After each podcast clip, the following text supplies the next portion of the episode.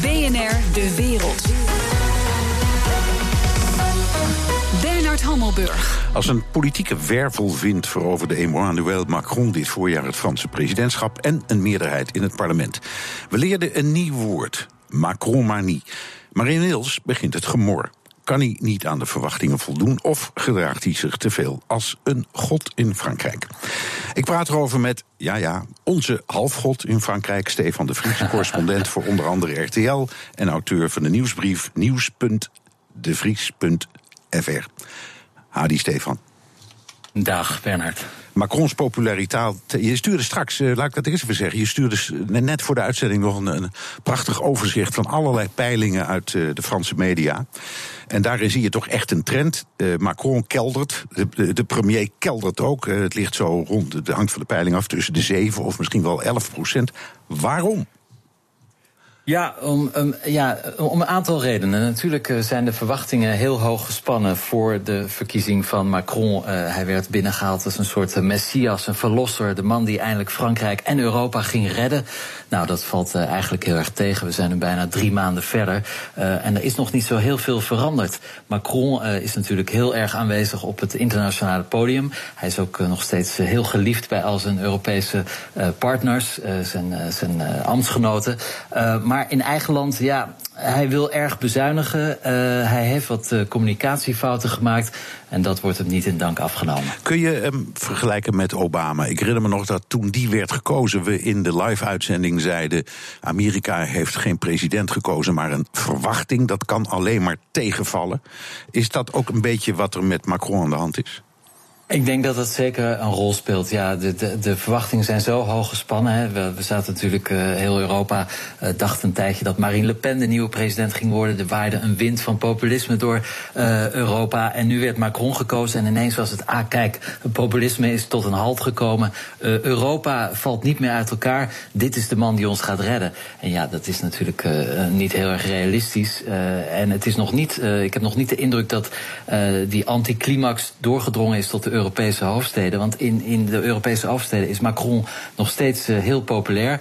Uh, met uitzondering in Italië, maar daar kunnen we het zo nog even over hebben. Maar ja, de verwachtingen zijn dus veel te hoog gespannen. En, en ja, één man kan natuurlijk niet uh, een heel land of een heel continent veranderen. Nee, zei hij overigens wel. Maar goed, komen we direct op. Heeft ja. het ook te maken met zijn stijl? Want hij, ja, je krijgt, krijgt het verwijt dat hij zich een beetje gedraagt als, een, als een, een de, de zonnekoning of Napoleon. Is dat een terecht verwijt?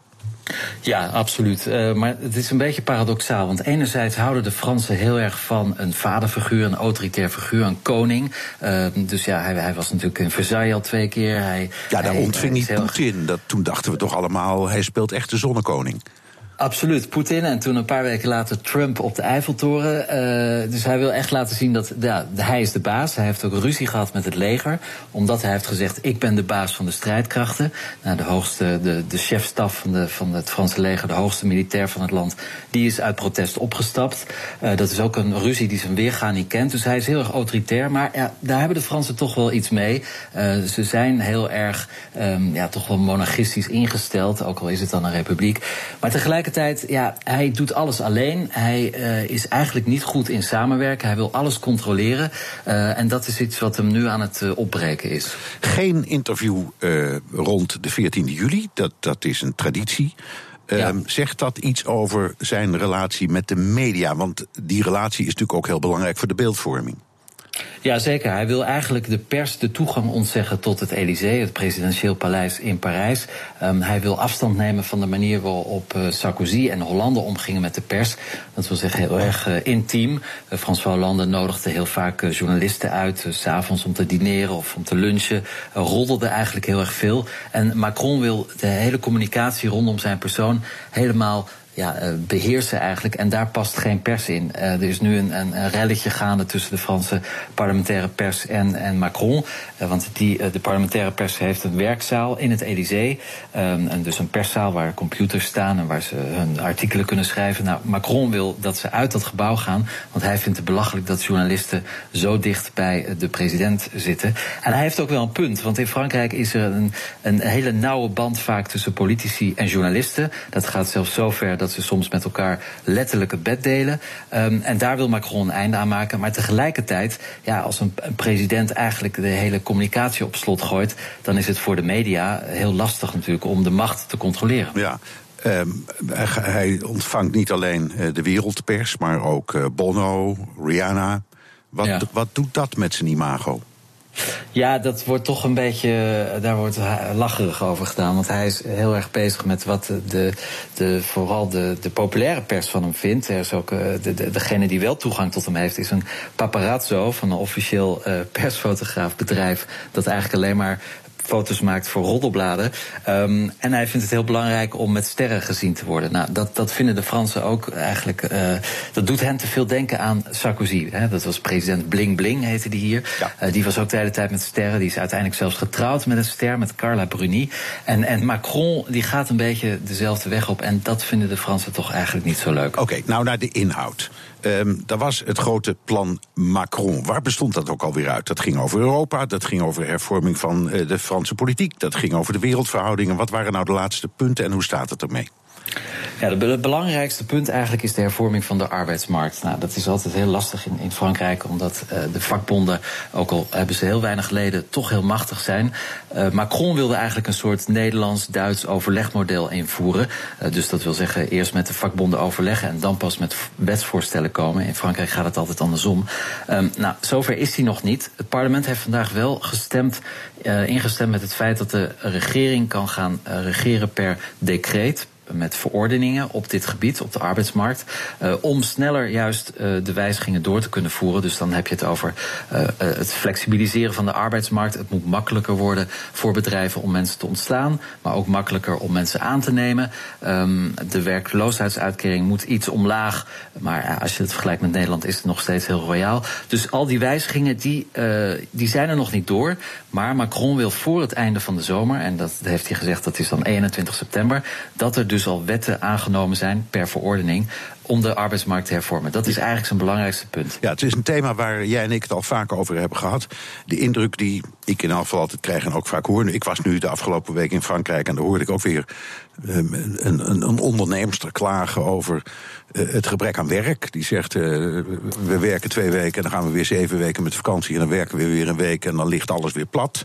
Uh, de reacties op ehm, veranderingen in bijvoorbeeld loonstructuur of arbeidstijd, die vaak onmiddellijk leiden tot uh, stakingen en zo. En jij zei de laatste keer, ja, dat is toch wel een beetje aan het kenteren. Uh, hoe zit het nu met de, de, laat maar zeggen, de sfeer op de arbeidsmarkt? Zijn ook de bonden nu wat meer geneigd om te zeggen, ja, die verandering is echt nodig? Ja, zeker. Want Frankrijk is eigenlijk nog een van de weinige landen, ik geloof met Italië, in de Europese Unie waar de werkloosheid nog uh, stijgt.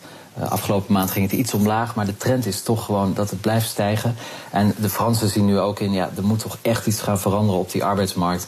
Uh, want zo kan het niet langer. De structurele werkloosheid schommelt al bijna 30 jaar rondom de 9 à 10 procent. Vooral bij jongeren is dit heel erg. Tussen de 25 en de 30 procent van de jongeren heeft geen baan.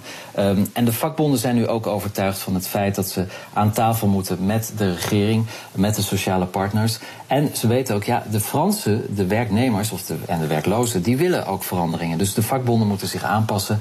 En dat is iets waar uh, Macron heeft op ingezet. Ja, en dan kan dat decreet wat hij heeft gekregen dus ook helpen. Want als, als de vakbonden bijvoorbeeld bereid zijn en hij merkt dat de gevoelens veranderen, dan kan hij zeggen: Oké, dan beslis ik nu bijvoorbeeld om de werkweek iets te verlengen. Ik noem maar iets. Ja, dat zou heel goed kunnen. Hij kan dus sneller regeren met die verordeningen. Het moet dan uiteindelijk nog wel door het parlement. Dus het is niet antidemocratisch, maar het is meer het is efficiënter, uh, zo zegt hij dat. De vak, sommige vakbonden zeggen van ja, dit is het einde van het sociaal recht. Uh, dit kan gewoon niet. Maar de meeste vakbonden zijn het toch wel eens met ja. uh, Macron. Ja, nu groeit de economie wel iets half procentje in het tweede kwartaal. Is dat iets wat je al op zijn konto kan schrijven? Of is dat gewoon de voortzetting van een trend van al langer? Nou, ik denk dat dat uh, komt doordat de hele wereldeconomie en dan vooral de economie in Europa natuurlijk heel erg aantrekt. En dus ja, Frankrijk surft mee op die golf. Um, het is te vroeg om dat op het konto van Macron te schuiven. Als we over een half jaar niet een hele duidelijke trend zien in groei en een afname van werkloosheid, dan kun je eigenlijk al zeggen dat Macron uh, ja, toch wel aan het falen is. Ja, je gaf net al een voorzet, je noemde Italië, dat is boos. Dat gaat volgens mij over de, de nationalisering van een scheepswerf bij Nantes, die, die daardoor ja. niet in Italiaanse handen komt. Dat, dat, dat is toch in strijd met iemand die zegt: je moet de arbeidsmarkt en uh, het, het bedrijfsleven liberaliseren. Ja, het is, ik vind het zelf een onbegrijpelijke zet. Uh, niet alleen omdat het uh, natuurlijk eigenlijk bijna communistisch is om een bedrijf te nationaliseren. Maar ook omdat het indruist tegen alle Europese ambities van Macron, die hij zo heeft uitgedragen voor zijn verkiezing. Italië is heel erg boos, want Italië wilde dus een, een, een, grote scheepswerf overnemen. Waar onder andere ook oorlogsschepen worden gemaakt. En dat is een reden voor Frankrijk om te zeggen: ja, we moeten toch de eigen macht in handen houden om onze eigen oorlogsschepen te bouwen. En probleem was dat deze Italiaanse uh, scheepsbouwer contacten heeft met Chinese scheepsbouwers. En um, ja, de Fransen zijn bang dat er kennis over, uh, stroomt naar China. Maar de, de vorige eigenaar van die scheepswerf waren, waren Zuid-Koreanen. Dus het is een hele rare ja, zet. Dat is krankzinnig. En ja, ja, hij heeft dus echt Rome heel erg boos gemaakt. Want er zijn nog andere punten, uh, zoals de vluchtelingen in de Middellandse Zee. een aanleg van een hoge snelheidslijn tussen Italië en Frankrijk, die uiteindelijk misschien niet doorgaat. En ook Libië. Dus er zijn veel problemen met, met Italië. Maar waar het op neerkomt eigenlijk, is dat Macron blijkt helemaal niet die uh, enorme pro-Europeaan, maar uiteindelijk gewoon een ordinaire nationalistische Franse president. Ja, zo dadelijk. Wordt Libië het Waterloo van Macron? BNR Nieuwsradio. BNR De Wereld. Mijn gast Stefan de Vries, correspondent voor onder andere RTL en auteur van de nieuwsbrief nieuws.devries.fr. Uh, Stefan, we hadden het net over de, de eerste week van Macron in Frankrijk, hè, binnen het land. Je zei al, op het wereldtoneel spelen ook allerlei dingen. Laten we daar even naar kijken. De Washington Post schreef deze week dat hij zich opwerkt als, als de leider van het Vrije Westen. Ziet hij dat zelf ook zo? Ja, dat denk ik wel. Ik denk uh, dat het uh, vooral duidelijk werd toen hij Trump uitnodigde om aanwezig te zijn in, in, in uh, Parijs op 14 juli, 14 juillet. Um, om de wereld te laten zien, kijk, dit is een oude leider die, die eigenlijk niet goed weet wat hij doet. Dus Donald Trump. Hier is de nieuwe leider, jong, veelbelovend, Europees en, en heel verstandig. Ik denk dat het een hele duidelijke communicatiestrategie was om Trump uit te nodigen in Parijs. En ik denk ook echt dat Macron zichzelf ziet als uh, de redder van Europa, misschien wel de redder van, van de wereld. Ja, laten we even luisteren naar zijn reactie op de aankondiging van Trump dat die, Trump dus, uit het Parijse klimaatakkoord stapt. Make our planet great again. Make the planet, planet great again keurig netjes ja. in het Engels, vind ik ook al wat voor ja. een Fransman. Um, in zijn eigen paleis, hè? In zijn, ei ja, in zijn eigen paleis. Maar ziet hij zich dus als een soort anti-Trump? Ja, zeker op het gebied van, um, van klimaat. Uh, natuurlijk uh, is Trump uit de wil hij uit de akkoorden van Parijs stappen. Maar na het bezoek aan het, uh, van Trump aan Parijs. zei Trump iets geks tijdens de persconferentie. Namelijk dat hij aan het nadenken is op een, over iets anders. Dus het zou heel goed kunnen dat Macron misschien Trump wel heeft overtuigd van het feit dat hij niet uit de Parijsakkoorden moet stappen. En ja, als dat inderdaad uh, gaat gebeuren, als dus Trump 180 graden gaat draaien, en ja, de man kennende zou dat best kunnen, dan kan Macron natuurlijk zeggen: Kijk, ik ben nu echt uh, de coole, de coole bink van de wereld. Ik heb de planeet gered. Ja, hij kan ook misschien hebben gedacht en misschien ook wel gezegd tegen Trump: luister eens, wij zijn allemaal tegen. Wij Europeanen vinden dat eigenlijk, eigenlijk de rest van de wereld vindt het stom van je, maar je eigen volk ook. En in Amerika ga je helemaal niet over het klimaat, daar gaan de staten zelf over. Dus het kan ook best zijn dat hij gewoon, het lijkt me iemand die Amerika van binnen en van buiten kent, dat hij hem als het ware in zijn eigen net vangt. Ja, ik denk eigenlijk eerlijk gezegd dat hij meer speelt op de man. Dat hij heel erg probeert een, een band te scheppen met Trump. En het is ook duidelijk, dat zie je ook op de beelden, dat Trump en Macron het echt met elkaar kunnen vinden. En ja, Trump heeft het, idee dat Macron de enige is in Europa die hem, die hem nog mag. Dus ik, ik vermoed dat hij probeert op de man te spelen. En ook tijdens dat bezoek in juli aan Parijs echt heeft geprobeerd om Trump ervan te overtuigen dat dit klimaatakkoord uh, dat we da dat moeten hebben en dat Amerika daar niet uit kan stappen. Ja, Macron was ook wel positief over die ontmoeting. Het was natuurlijk ook wel spectaculair daar in, in dat poepzieke restaurant in de, in de Eiffeltoren. Hoe zien die mannen elkaar nu, denk jij echt? Ik denk dat, uh, Macron, uh, dat Trump sowieso niet goed weet hoe de Europese verhoudingen liggen. Hij was, heeft hij zelf gezegd, zeer onder de indruk van de militaire parade. Uh, was huge. hij wil er zelf ook een hebben in, in Washington nu. Dus ja, dat, dat theater, dat is hem heel erg bevallen. Um, ik denk dat hij nu denkt van ja, Macron is mijn vriend en, en de rest van Europa, dat interesseert me niet zo. Macron zal denken van ja, Trump is. Uh, we kunnen niet om de Verenigde Staten heen. Dat blijft het machtigste land op aarde. Um, laten we eh, zoveel mogelijk proberen om Trump erbij te houden. En alles in het werk te stellen om te voorkomen dat hij in zijn eentje allerlei gekke dingen doet. Ik denk dat dat de, ja. de, redenering is van Trump. En misschien onderwerpen zoeken waar ze het wel over eens kunnen, of gemakkelijker over eens kunnen worden. Want natuurlijk is niet alles is een twist. Nee, zeker niet. De strijd tegen terrorisme bijvoorbeeld, uh, bepaalde internationale operaties, de vrijhandel, hoewel Trump daar natuurlijk ook uh, wat dubbel in is.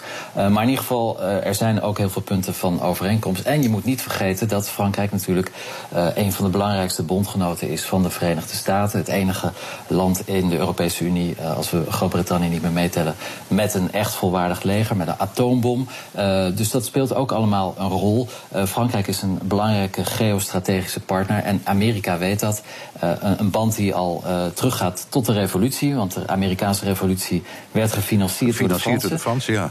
Dus ja, die, die band die is, is er echt. En dus die twee landen die zullen nooit echt uit elkaar drijven. De oudste bondgenoot. Uh, dat is ook zo. Nou, dat is, uh, ja... Ja, ja we zeggen de, de, de, de langste durende bondgenoot is Nederland... maar de oudste is Frankrijk, zeggen ze altijd. Ja, ja. precies. Ja. Goed, je, dus, volgt, ook, je volgt niet alleen Frankrijk, maar ook Europa op de voet. Kun je ook zeggen dat, dat Macron populairder is in Europa, in het buitenland, dus dan in zijn eigen land? Ja, die indruk heb ik zeker. Uh, als je kijkt naar de verschillende Europese bijeenkomsten die de afgelopen twee maanden zijn geweest, zoals de NAVO-top en de G7 en de G20, dan zie je echt dat Macron de nieuwe beschermeling is van eigenlijk alle Europese leiders. En dat is ook niet zo gek eigenlijk, omdat uh, ja, tot de verkiezing van Macron of eigenlijk tot de Nederlandse verkiezingen, was iedereen in Europa bang dat het populisme echt uh, de overhand zou krijgen. Uh, dat alle landen een soort brexit zouden kennen. Nou, Macron uh, is de heilige. die gaat Europa even redden. En dat idee, die, die witte broodsweken, dat leeft nog voort in de Europese hoofdsteden. Ja, hij heeft het over allerlei belangrijke Europese dingen. Een apart parlement voor de de eurozone, de euro zelf, een Europees leger. Wat vindt hij zelf het belangrijkste? Ik denk het, de integratie van de eurozone. Hij wil heel graag een, een, budget, ook voor de eurozone, om meer te kunnen investeren. Een eigen parlement voor de eurozone, een eigen uh, minister van Financiën. Uh, maar dat is dan eigenlijk ja, de voorzitter van de eurogroep, maar die wordt dan de permanente minister. Um, maar ja, tegelijkertijd wil hij dus meer economische integratie, fiscale integratie. Maar als je kijkt naar de verschillende landen in Europa, is dat heel lastig. Want iedereen heeft een ander idee over wat ja, fiscaliteit eigenlijk is. Kijk maar naar Nederland. Nederland zal het nooit accepteren om, om zijn rol als belastingparadijs uh, ja, weg, te, weg te geven uh, ten gunste van landen uh, zoals Spanje en, en, en Frankrijk en Italië, die misschien hun fiscaliteit op een andere manier zien. Dus dat is een heel lastig probleem. Hij is daar heel ambitieus in. En hij wil voor het einde van, jaar, van het jaar in alle Europese landen conventies organiseren waarin burgers kunnen praten over de toekomst van de Europese Unie. Maar ja, dat, dat vind ik ook heel erg typisch Frans. Uh, heel erg top-down gedacht. Ik denk dat dat in Nederland bijvoorbeeld niet kan werken. En in andere landen uh, die een veel meer horizontalere uh, structuur hebben. Ja. En, maar hij, hij denkt dan van, ik ga dat even regelen. En dus voor het einde van het jaar is er ook in Nederland een Europese conventie... die gaat bepalen wat de toekomst is van Europa. En dat leger, dat Europese leger?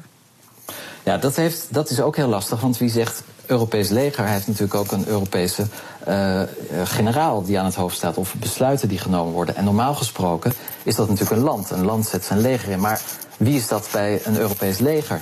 Frankrijk heeft een heel andere visie op defensie dan Duitsland. Uh, Duitsland natuurlijk ook vanwege het verleden veel terughoudender om internationaal op te treden. Terwijl Frankrijk ja, eigenlijk heel erg, ik zou niet zeggen agressief, maar in ieder geval heel erg um, proactief is met internationale operaties. Ook omdat ze een hele grote wapenindustrie hebben. En natuurlijk omdat het de band is met, met de oude Afrikaanse kolonies. Dus daar zie je ook een hele grote tegenstelling. En als je dan Nederland erbij haalt, als we het hebben over een Europees leger. Ja, Nederland heeft een veel meer Atlantische blik. Dus hoe ga je dat dan integreren? Nederland heeft natuurlijk ook de JSF gekocht eh, bij de Amerikanen. En niet de Rafale. Nee.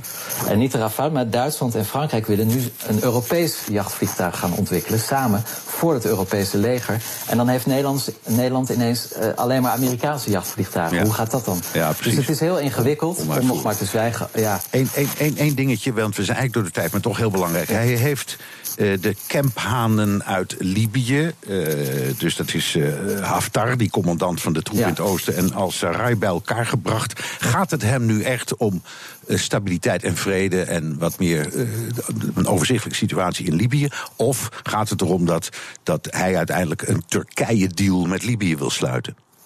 Het is allebei uh, een beetje. Natuurlijk heeft Frankrijk is, is mede verantwoordelijk geweest voor de chaos, zou je kunnen zeggen, die er nu in Libië bestaat. Sarkozy en Cameron besloten uh, Gaddafi af te zetten zonder enig plan eigenlijk voor, voor wat er daarna moest gebeuren. Dus Frankrijk draagt die verantwoordelijkheid. Dat erkent Macron ook.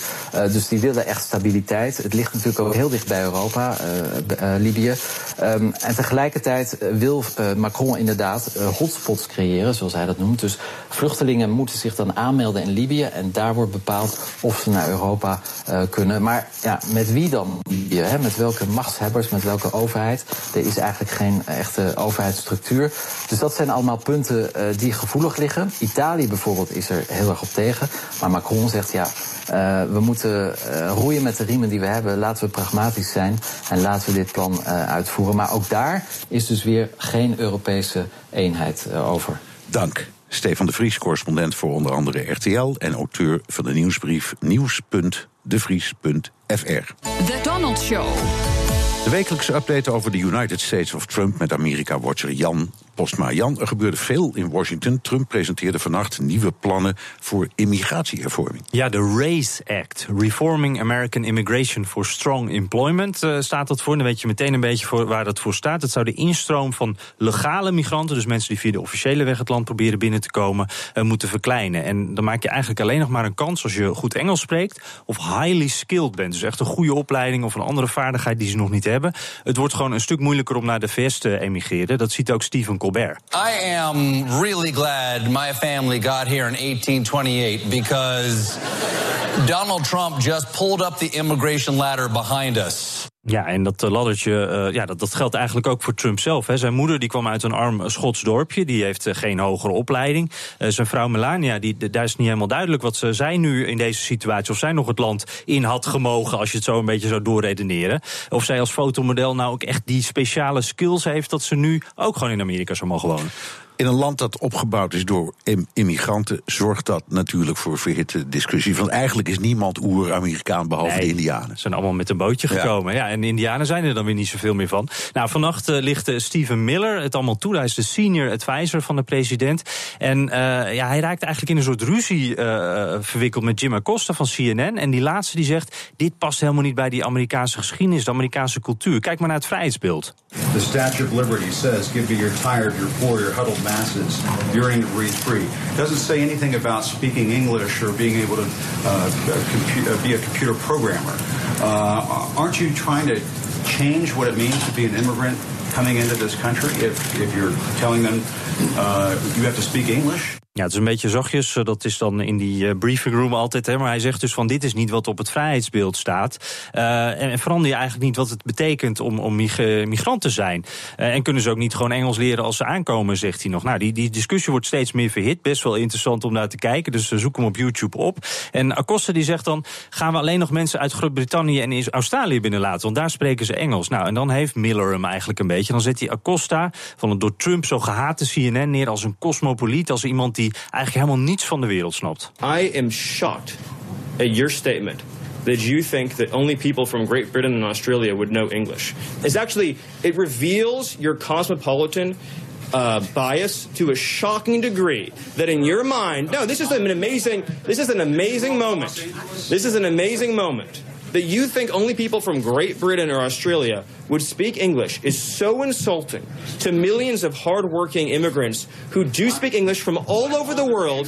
Jim, have you honestly, Jim, have you honestly never met a an immigrant from another country who speaks English outside of Great Britain and Nou, zo gaat het dan nog even door. Dat slaat echt eh, heel erg aan bij de Trump-achterban, eh, zie je. De- Het is echt een soort wedstrijdje verbaal verplassen. En beide kanten vinden dan dat ze winnen. Maar het gaat Trump erom om de economie te versterken. Ja, inderdaad. En eh, de Washington Post noemt dit al meganomics. Dus Make America Great Again Economics. En de economen zijn het er dan niet helemaal van overtuigd dat het ook echt gaat helpen. Eh, en Trump die zegt ook nog, we gaan hiermee het vertrouwen herstellen tussen Amerika en de burgers. En daar zit dan wel weer wat in, zegt eh, Stephen Colbert. It will restore the sacred bonds of trust between America and its citizens. Yeah, before this bill, America had totally lost trust in its citizens. After all, citizens elected Donald Trump. I don't trust us. Dankjewel, Amerika-watcher Jan Posma. BNR Nieuwsradio. BNR De Wereld. Hammelburg. Vietnamese spionnen in Berlijn, een zeer gewaagde ontvoering en een grote diplomatieke rel. Nog even en James Bond wandelt het toneel op. De oplopende ruzie tussen Duitsland en Vietnam is geen fictie en zou wel eens grote impact kunnen hebben op de handel tussen heel Europa en het land in Zuidoost-Azië. Europa-verslaggever Jesse Pinster, laten we beginnen bij die ontvoering. Wat is er precies gebeurd? Ja, moeten we even terug naar vorige week zondag, 23 juli, Tiergarten, de grote, het grote park in Berlijn. Daar zijn op klaarlichte dag, met heel veel getuigen erbij, een man en een vrouw in een Tsjechische auto gesleept door gewapende mannen. En nu blijkt dat dus te gaan om de eh, 51-jarige Trung Xuan Tan, een Vietnamees. En hij wordt er in Vietnam van verdacht dat hij. eh, hij werkte eh, pak een beetje een jaar geleden nog voor het staatsbedrijf Petro eh, Vietnam. Dus de, de, het oliebedrijf. Hij zou 150 miljoen dollar verlies van dat bedrijf. zou allemaal zijn schuld zijn. Nou, dan reed hij ook nog eens rond in een Lexus met een nummerplaat van de regering. Waren ze ook niet heel blij mee. Communistische regering die daar zit, willen toch niet al te veel rijkdom uitstralen. En eh, nou, daar komt waarschijnlijk nog bovenop dat hij de verkeerde kant heeft gekozen in een, bij een machtsstrijd eh, binnen diezelfde communistische partij. Dus nou, tien maanden geleden heeft hij zich maar eens ziek gemeld. En sindsdien was hij op de vlucht en nu dus opgedoken, of een week geleden in Berlijn. De Duitse regering heeft een statement gegeven en die zeggen: Wij twijfelen er niet aan dat de Vietnamese geheime dienst hier achter zit. Heel erg duidelijk waren ze daarin. En ze zeiden ook van het is echt ongekend en een eclatante schending van het Duitse en het internationale recht. De relatie tussen Duitsland en Vietnam die zal dit, eh, zeer negatief beïnvloed worden. Dus ze hebben gelijk de ambassadeur op een matje geroepen. En het hoofd van de geheime dienst in de ambassade, dus de Vietnamese ambassade in Berlijn, is tot persona non grata verklaard. En die heeft nog, eh, ja, nu nog 24 uur om het land te verlaten. Geeft de Vietnamese regering toe dat, eh, dat ze die man hebben ontvoerd? Nee, deze Tan die heeft zichzelf aangegeven. Nog uh, geen uur geleden was hij ook te zien op de staatstelevisie in Vietnam, waar hij zelf ook zegt dat dat werkelijk uh, zo is gegaan. Hij heeft zich aangegeven en zat een jaar lang ondergedoken in Duitsland. Um, maar de, de, de, timing is heel erg pikant. Want hij zou eigenlijk op de maandag na die zondag dat hij dus ontvoerd is, zou hij een verklaring afgeven in zijn hele asielaanvraag. Dus weet je, dat wekt toch op zijn minst een suggestie dat ze liever niet hadden dat hij uh, iets zou gaan vertellen in uh, Duitsland. Um, nu heeft Berlijn gezegd: jullie hebben nu nog 48 uur om hem terug te sturen. Zodat hij gewoon weer zijn asielaanvraag uh, kan uh, afronden. Maar niks lijkt erop dat uh, Hanoi dat van plan is. Nee, nou is het normaal dat als een land vindt dat een van zijn burgers in een ander land opspoorbaar is, dat ze hem gewoon aan zo'n regering vragen of ze hem willen arresteren en uitleveren. Ja. Dus dat was toch de normale gang van zaken geweest. Ja, dat wordt ook een beetje gesuggereerd door de Bundesregering in hun verklaring. Die zeggen: ja, die asielprocedure moet afgehandeld worden en de uitlevering uitleveringsprocedure. Maar dat is een beetje een flauw antwoord, want er is geen uitleveringsverdrag tussen Duitsland en Vietnam. En ik heb nog even een advocaat die veel van dit soort zaken doet ook uh, gesproken. En die zegt: ja, als er geen verdrag is, is er geen uitlevering. Nee. Dan komt nog bovenop dat in 2015 ook het Bundesverfassungsgericht, dus de ho hoogste rechtbank, uh, een uh, verzoek heeft afgewezen van een Vietnamees die ook uitgeleverd zou ja. moeten worden. Kan de ruzie tussen Berlijn en Hanoi grote gevolgen hebben? Nou, ze zijn nog steeds bezig met dat handelsverdrag tussen de Europese Unie en Vietnam. Het akkoord is er wel, maar alle lidstaten moeten daar nog goedkeuring aan geven. Dat zou allemaal afgerond moeten zijn in begin 2018. Maar nou ja, als je dan zo'n belangrijk land in Europa als Duitsland tegen de schenen schopt, dan lijkt dat toch heel lastig te worden. En voor Vietnam was het toch wel een belangrijk akkoord, omdat Trump heeft natuurlijk die, het, eh, het handelsakkoord voor rond de grote oceaan heeft hij eh, een streep doorheen gezet. Daar was Vietnam ook bij betrokken, dus dat hadden ze al niet. En Europa wil toch graag laten zien dat zij leidend zijn in de wereld van de vrije handel. En na het, eh, nou ja, Canada ging het ook al bijna mis om dit dan ook weer in de soep te laten lopen. Zullen ze niet blij meer zijn. Allemaal gevolg van de Vietnamese spionnen in Tiergarten. Europa-verslaggever Jesse Pinster, dankjewel. BNR De Wereld. Tijd voor de kwestie met vandaag de aanslag door een uitgeprocedeerde asielzoeker in Hamburg en de invloed daarvan op de aanstaande Duitse verkiezingen, als die invloed er is. Ik praat erover met Margriet Brandsma, oud-correspondent in Berlijn en schrijfster van verschillende boeken over Duitsland, waaronder Het Mirakel Merkel. Welkom. Dank je. Fijn dat je er weer bent. Eh, we gaan straks over dat mirakel praten. Eh, fantastisch verhaal in uh, Spiegel, waarin, waarin ze echt ook zo wordt afgeschilderd. Dus ze hebben misschien jouw boek gekopieerd, maar daar komen we direct op. Die aanslagpleger in Hamburg, uh, die stak iemand dood. Het was een uitgeprocedeerde asielzoeker uit de Verenigde Arabische Emiraten. Ook de aanslagpleger van de kerstmarkt in Berlijn was uitgeprocedeerd. Hoeveel uitgeprocedeerde asielzoekers heeft Duitsland op dit moment? Nou, dat zijn er heel veel. Dat zijn er ongeveer een half miljoen. Waarbij je overigens wel moet bedenken dat ongeveer de helft daarvan... en dan kom je natuurlijk al wel weer op een ander getal... maar ongeveer de helft daarvan is intussen zo lang in Duitsland... dat hun procedure waarbinnen ze eigenlijk uitgezet zouden moeten worden verstreken is... en ze als het ware geduld worden. Dus je komt op dit moment zo ongeveer uit op 300.000 waar het nu nog om gaat. En waarom lukt het niet om ze terug te sturen? Je zegt, ja, dat is, dat is. Ja. wij kennen het probleem in Nederland ook. Maar goed. Ja, nou ja, dat, dat is natuurlijk vergelijkbaar met problemen die andere landen ook hebben. Het is vaak een kwestie van, uh, van papieren. Hè. Heel veel van die uitgezette of van die uitgeprocedeerde asielzoekers hebben geen identiteitspapieren. Uh, Als je ze uit wil zetten, dan hebben ze die wel nodig. Dat is heel tijdrovend. Dat is één ding. Heel veel landen, uh, of, of landen nemen, willen ze soms ook niet meer. Hè. Dus die zeggen van ja, Duitsland, leuk dat je iemand terug wilt sturen, maar, uh, maar hij is niet meer welkom. Niet meer welkom, dat is ook een groot probleem. En het derde is, omdat het er zoveel zijn, zijn de plaatsen waar die mensen zeg maar, worden verzameld. Hè, die zitten niet in gewone cellen, maar die zitten in, in speciale gevangenissen. Ja, die zijn vol. Dus uh, ook daar wringt het feit dat Duitsland de afgelopen jaren, met name 2015 natuurlijk, zo ontzettend veel vluchtelingen heeft binnengekregen. En dat er overal eigenlijk ja, achterstanden zijn ontstaan. Hoe heeft uh, de politiek gereageerd op deze kwestie?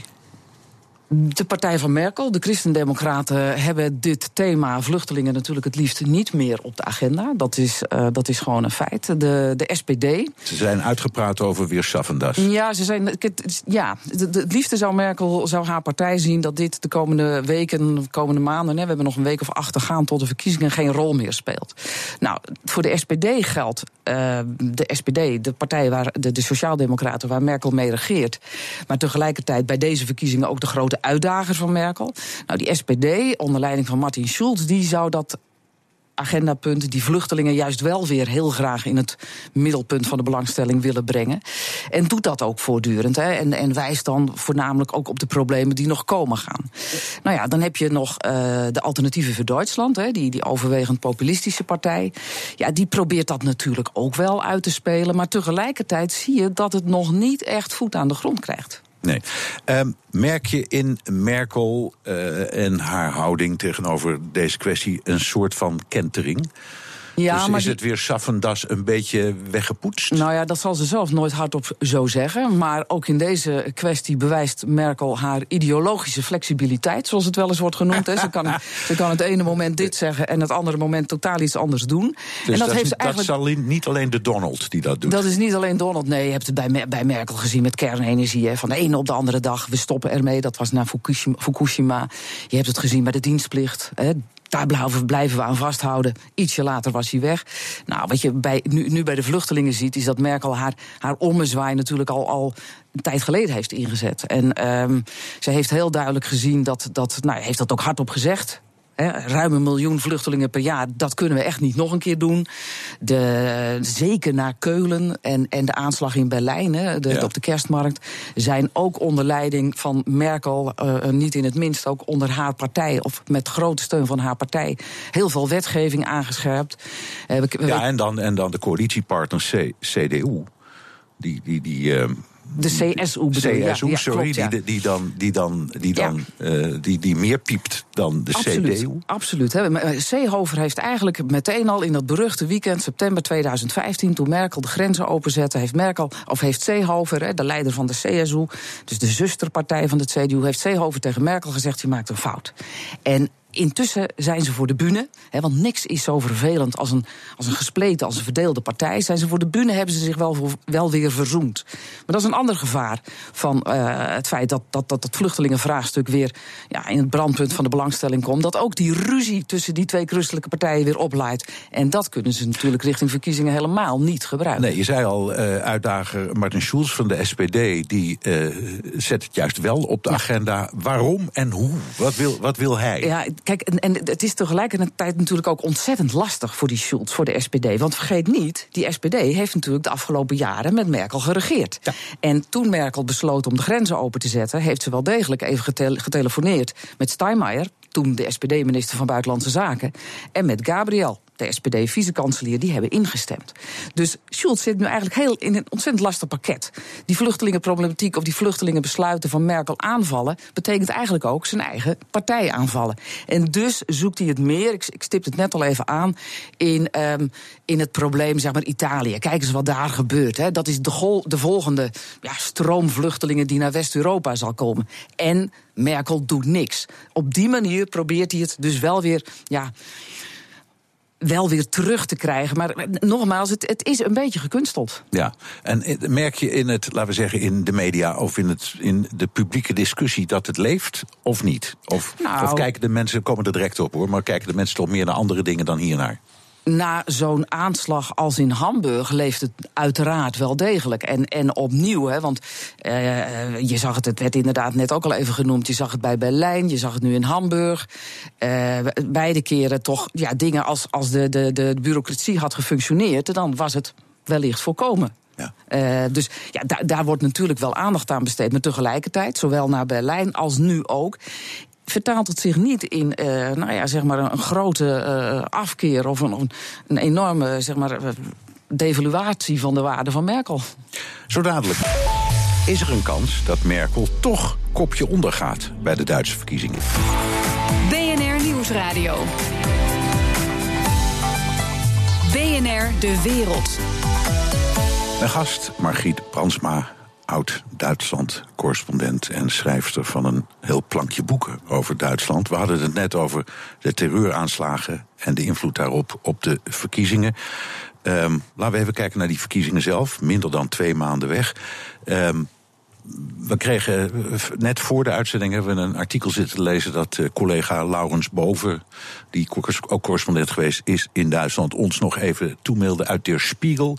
En dat komt er eigenlijk op neer dat wat Merkel ook doet, het maakt niks meer uit. Ze, is, ze is als het ware 100 of 1000 procent zeker van een overwinning en onaantastbaar. Is dat nou Ja. echt? Klopt dat beeld? Nou ja, dat, dat beeld klopt op dit moment absoluut. Ik heb meer van dat soort verhalen gelezen. Hè. Petje af voor een kanselier die voortdurend van mening verandert. Die enorm onder druk heeft gestaan 2015. En die nu, eh, als er vandaag verkiezingen zouden zijn in Duitsland, zo'n 40% van de stemmen krijgt. Nou, dat is, dat is natuurlijk bijna, bijna onverklaarbaar. Eh, zo wordt er overigens ook over geschreven. Dat, dat, dat het bijna onverklaarbaar is. Ja, verklaringen zijn wel aan te voeren. Het gaat Duitsland economisch heel goed. De werkloosheid is historisch laag. Dat zijn dingen die ontzettend belangrijk zijn eh, in, in de ogen van, van kiezers. Dat speelt absoluut een rol. Wat ook een rol speelt bij de Duitse kiezer is dat er natuurlijk heel veel aan de hand is in de wereld. Hè. Eh, eh, onvoorspelbare leiders in het Witte Huis en in Moskou. Turkije, eh, de Brexit. En dus is er in Duits- Duitsers die toch sowieso wat behoudend zijn, die zeggen van ja, wie anders dan Merkel kan dan de komende vier jaar hè, iemand met haar ervaring, met haar. ehm, ehm, ja, met Aanzien. haar aanzien, Aanzien in en respect wereld, ook ja. in de wereld. Wie anders dan Merkel moeten doen? Ja, en je, je zei straks, ja, ze kan zomaar van het een naar het andere standpunt springen. Je kan ook zeggen, dat siert er misschien wel. Want uh, waarom zou een politicus op een standpunt vast moeten blijven zitten... terwijl je ook kunt zeggen, ja, de omstandigheden zijn veranderd... dus ik verander mee. Ja. En, uh, wat, misschien maak je dat in de ogen van een kiezer wel iets geloofwaardiger zelfs. Nou, ook dat is, dat, ik denk dat dat ook wel degelijk aan de hand is. Uh, het, het, is iets waar, waar Merkel ontzettend veel kritiek op krijgt. Hè. Wat, wat, wat ik dan net noemde, die, die ideologische wendbaarheid, flexibiliteit. Maar aan de andere kant werkt het bij Merkel gewoon zo... dat ze zegt van ja, maar ik zie dat de meerderheid van, van de bevolking. En ik heb uh, toen ik kanselier uh, werd gezegd: ik handel in belang van de Duitse bevolking. Ik zie dat de meerderheid het zo wil, dus ik doe het zo. Dat zag je bijvoorbeeld ook heel recentelijk nog bij het homohuwelijk. En met name adoptie door, door ja, daar, homostelling. Daar, daar, daar gruwde ze zelf van duidelijk. Sterker maar... nog, ze heeft, ze heeft tegengestemd ja. in de Bondsdag. Maar goed, ze heeft ook gezien: ja, uh, dit standpunt is niet houdbaar. Een meerderheid van de bevolking wil het wel. Dus in dit geval moet ik mijn eigen principe maar even uh, ja, laten of even opzij zetten en, en doen wat de meerderheid wil. Even over de auto-industrie. Die, ja. is, die is heel belangrijk, heel groot. Ook een soort symbool voor de hele wereld van wat Duitsland kan, presteert, ah. is, betekent. Um, je hebt dat uh, schandaal met die uh, kartelafspraken en Dieselgate. Um, heeft dat ik zou zeggen, haar in moeilijkheden gebracht? Nou ja, het is allemaal nog redelijk vers. Hè. Je hebt nu net in, in Duitsland die, uh, wat ze dan noemden, de, de dieselgipfel gehad, de dieseltop. En wat je wel ziet, hè, dat was dus eigenlijk een, uh, een top die gehouden werd om ervoor te zorgen dat hè, die diesels, die zijn even los van het feit dat er met die software is gesjoemeld. Heel veel van die diesels zijn ook eigenlijk te vies om in de grote steden van Duitsland te mogen rijden. Nou, als dat niet zou mogen, dan zou dat die industrie heel veel geld kosten. Daar moest iets voor verzonnen worden. En wat je nu ziet, is dat de oplossing ontzettend sterk bekritiseerd wordt. Erg wordt uitgelegd als een een soort stap van de regering weer richting die machtige nou ja, auto. Als ik het mag zeggen, het was ook krankzinnig. Want uiteindelijk, na al dat gedoe, kwam eruit, even uit mijn hoofd, dat ik geloof 5 miljoen ja. auto's worden teruggeroepen om de software te veranderen. Ja, om, om nou, dan, een knopje dan, om te zetten. Een knopje om te zetten. Ja, dan ja. komt die industrie er dus echt. Ongelooflijk niet alleen genadig vanaf, maar gewoon schaterlachend vanaf. He, zoals, een, zoals een commentator ook schreef: als een bakker verkeerd brood in de winkel brengt, dan uh, komen er wetten om hem aan te pakken. In dit geval worden er toppen gehouden om de automo automobielindustrie maar zoveel mogelijk tegemoet te komen. En dat tekent die macht. Dat, die is ook, ik heb dat zelf ook gezien. Uh, het, het, voorbeeld van op partijcongressen, je komt binnen, daar staan dan grote Mercedes uh, als, als in een soort showroom. Hè, een partijbijeenkomst van de SPD of de CDU. Um, de ADAC, dat is de Duitse ANWB, dat is de grootste vereniging ter wereld zo ongeveer. Zo. en dat is een ontzettende machtige lobby. Die moet je niet tegen je krijgen. Nee. En daar hangt ja, de politiek toch de oren naar. en die, die dieseltop, om het zo maar te noemen, met deze verdik krankzinnige uitkomst. Dat, dat was dus dat kan bijna niet anders, een politiek spel. En daar had Merkel of zelfstandig of in afval via haar mensen mee te maken. Dat kan niet anders. Nou ja, kijk, het, het, het, was zelfs zo belangrijk dat uh, in de ogen van, van Duitsers en natuurlijk met name in de ogen van de automobielindustrie dat gezegd werd: Merkel moet daar zelf bij zijn. Dan moet ze haar vakantie maar onderbreken. En, en dat, dat heeft ze niet gedaan. Haar uh, minister van, uh, van Verkeerszaken was daar wel bij. Ja, en dat kan natuurlijk niet anders dan dat hij wel degelijk ook in overleg met zijn regering, met Merkel, heeft geopereerd. Ja. Wat is, zijn voor de Duitsers de belangrijkste punten om hun stem over of op uit te brengen? Want het gaat allemaal keurig democratisch. Er is weliswaar een enorme koploopster, maar je hebt ook Schulz en je hebt ook eh, de Alternatieven voor Duitsland. Ja. Um, Waar kijkt de kiezer naar?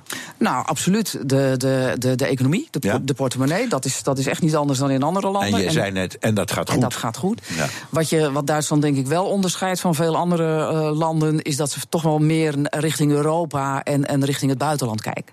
Daar zei ik net ook al iets over. Dat is voor, voor Duitsers toch wel heel erg belangrijk. Van, gaat, hè, want het zijn veel meer Europeanen dan, dan, dan wij of dan, dan Belgen. Europa is heel belangrijk voor Duitsers. Dus het feit dat, dat, dat Europa de komende tijd bijeen blijft. Uh, dat er een leider komt, uh, nou ja, waar, waarvan ze in ieder geval denken, die kan dat. Dat zal een hele belangrijke rol spelen. Maar het moet de komende weken niet al te vaak voorkomen dat, zich, dat er weer een Hamburg of uh, iets soortgelijks voordoet. Want nee. dan kan alles gaan kantelen. Ja, goed, maar je, je, zou bijna zeggen dat moet je ook geen enkel land en geen enkele niet. politicus toewensen. Uh, want dat kan inderdaad de zaken enorm veranderen. Um, zou er een kans bestaan, om wat voor reden dan ook, niet zo'n gruwelijke, maar een andere, dat ze het uiteindelijk toch niet haalt?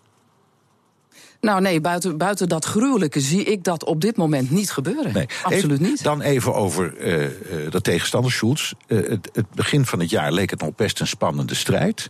Kwam natuurlijk ook door ja, de, verrassing- nieuwigheid. De nieuwigheid, de Ja. verrassing. hè, Een, een Duitser met een prachtige staat van dienst binnen Europa... die zich dan in die strijd mengt. Wat is er met Schulz misgegaan? Want er gaat natuurlijk met Merkel veel goed... maar het komt ook omdat het Ja. met Schulz minder goed gaat. Het komt ook door de zwakte van de tegenstanders. Dat is absoluut een feit. En wat er bij Schulz is misgegaan, is dat hij dat en dat zijn partij dat, dat momentum totaal niet gebruikt heeft. Eh, Ze waren zo ontzettend blij en stonden zelf ook met, met grote ogen te kijken wat gebeurt hier. En vergaten dat je ook iets moet doen om dat vast te houden. Dus het heeft veel te lang geduurd voordat Schulz ging zeggen wat hij van plan was. Dat is één. Dat is waarom de SPD op dit moment eigenlijk geen grote rol nog speelt.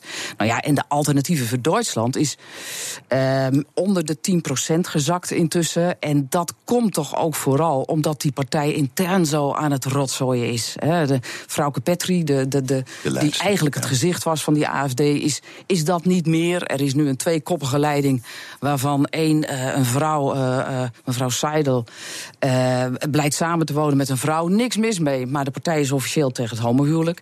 Ze, ze heeft een adres in Zwitserland, betaalt dus geen belasting in Duitsland. Dat versterkt de geloofwaardigheid van die partij ze zijn natuurlijk uit niet. elkaar aan het LPF'en. Nou ja, Ja. dat is een prachtig woord, maar daar komt het wel op neer. Komt er eh, weer een coalitie of zou Merkel in principe een absolute meerderheid kunnen halen? Dan moet er nog wel het een en ander gebeuren. Dat Goed, geloof de- ik absoluut dus coalitie. niet. Wat- wat dus wordt- absoluut wat een wordt het er coalitie. Ik denk dat de FD, FDP, dus de, de liberalen in Duitsland, waar Merkel in haar tweede periode ook mee regeerde, eh, de hoop heeft dat zij eh, opnieuw met de Christendemocraten zouden kunnen regeren. Want die FDP doet het nu in de peilingen wel goed. Ik denk zelf dat. ehm, en ik denk ook dat Merkel dat het, het liefst zou willen dat er opnieuw zo'n grote coalitie komt van Met de Christen en, de Sociaaldemocraten. Ja, ja, Zoals, ze dat, eh, Ja, vroeg- zoals ze dat in de voor vorige periode En daar gehad. ziet het op dit moment ook wel naar uit. Ja, dus dat zou, eh, ja, dan, dan heb je in feite geen oppositie meer. Hè? Dat hangt er een beetje vanaf hoe groot de SPD wordt. Ja. Blijft dat zo rond de 20 procent? Kijk, dat was, is inderdaad vaak een bezwaar. Zo'n grote coalitie, dan is de oppositie zo klein. Maar ja, zoals het er nu naar uitziet, valt dat denk ik wel mee. Nou, de, be- belangrijke vraag, maar what's in it for me? Wat betekent het voor ons hier in Nederland, eh, hoe die Duitse verkiezingen aflopen? Nou, ik denk dat het voor Nederland eh, niet ongunstig is als, als iemand als Merkel, als haar partij, eh, de grootste wordt. Want als Merkel iets heeft laten zien tijdens haar kanselierschap, dan is het wel dat zij heel nadrukkelijk ook oog heeft voor de kleinere landen. Je zag het ook bij de laatste G20 in Hamburg. Nederland is daar officieel, maakt daar geen deel van uit, maar zij had Rutte wel uitgenodigd. Hè. En dat typeert heel duidelijk ook wel de Europapolitiek van Merkel. Oog voor de kleintjes. Ja, en dan is Nederland niet eens zo'n heel kleintje. En dan is. Nederland nog niet eens eh, absoluut Want- de want kleinste. Nee, dat een- absoluut wat is het, een derde van al onze handel is met Duitsland. Ah, Dus ja.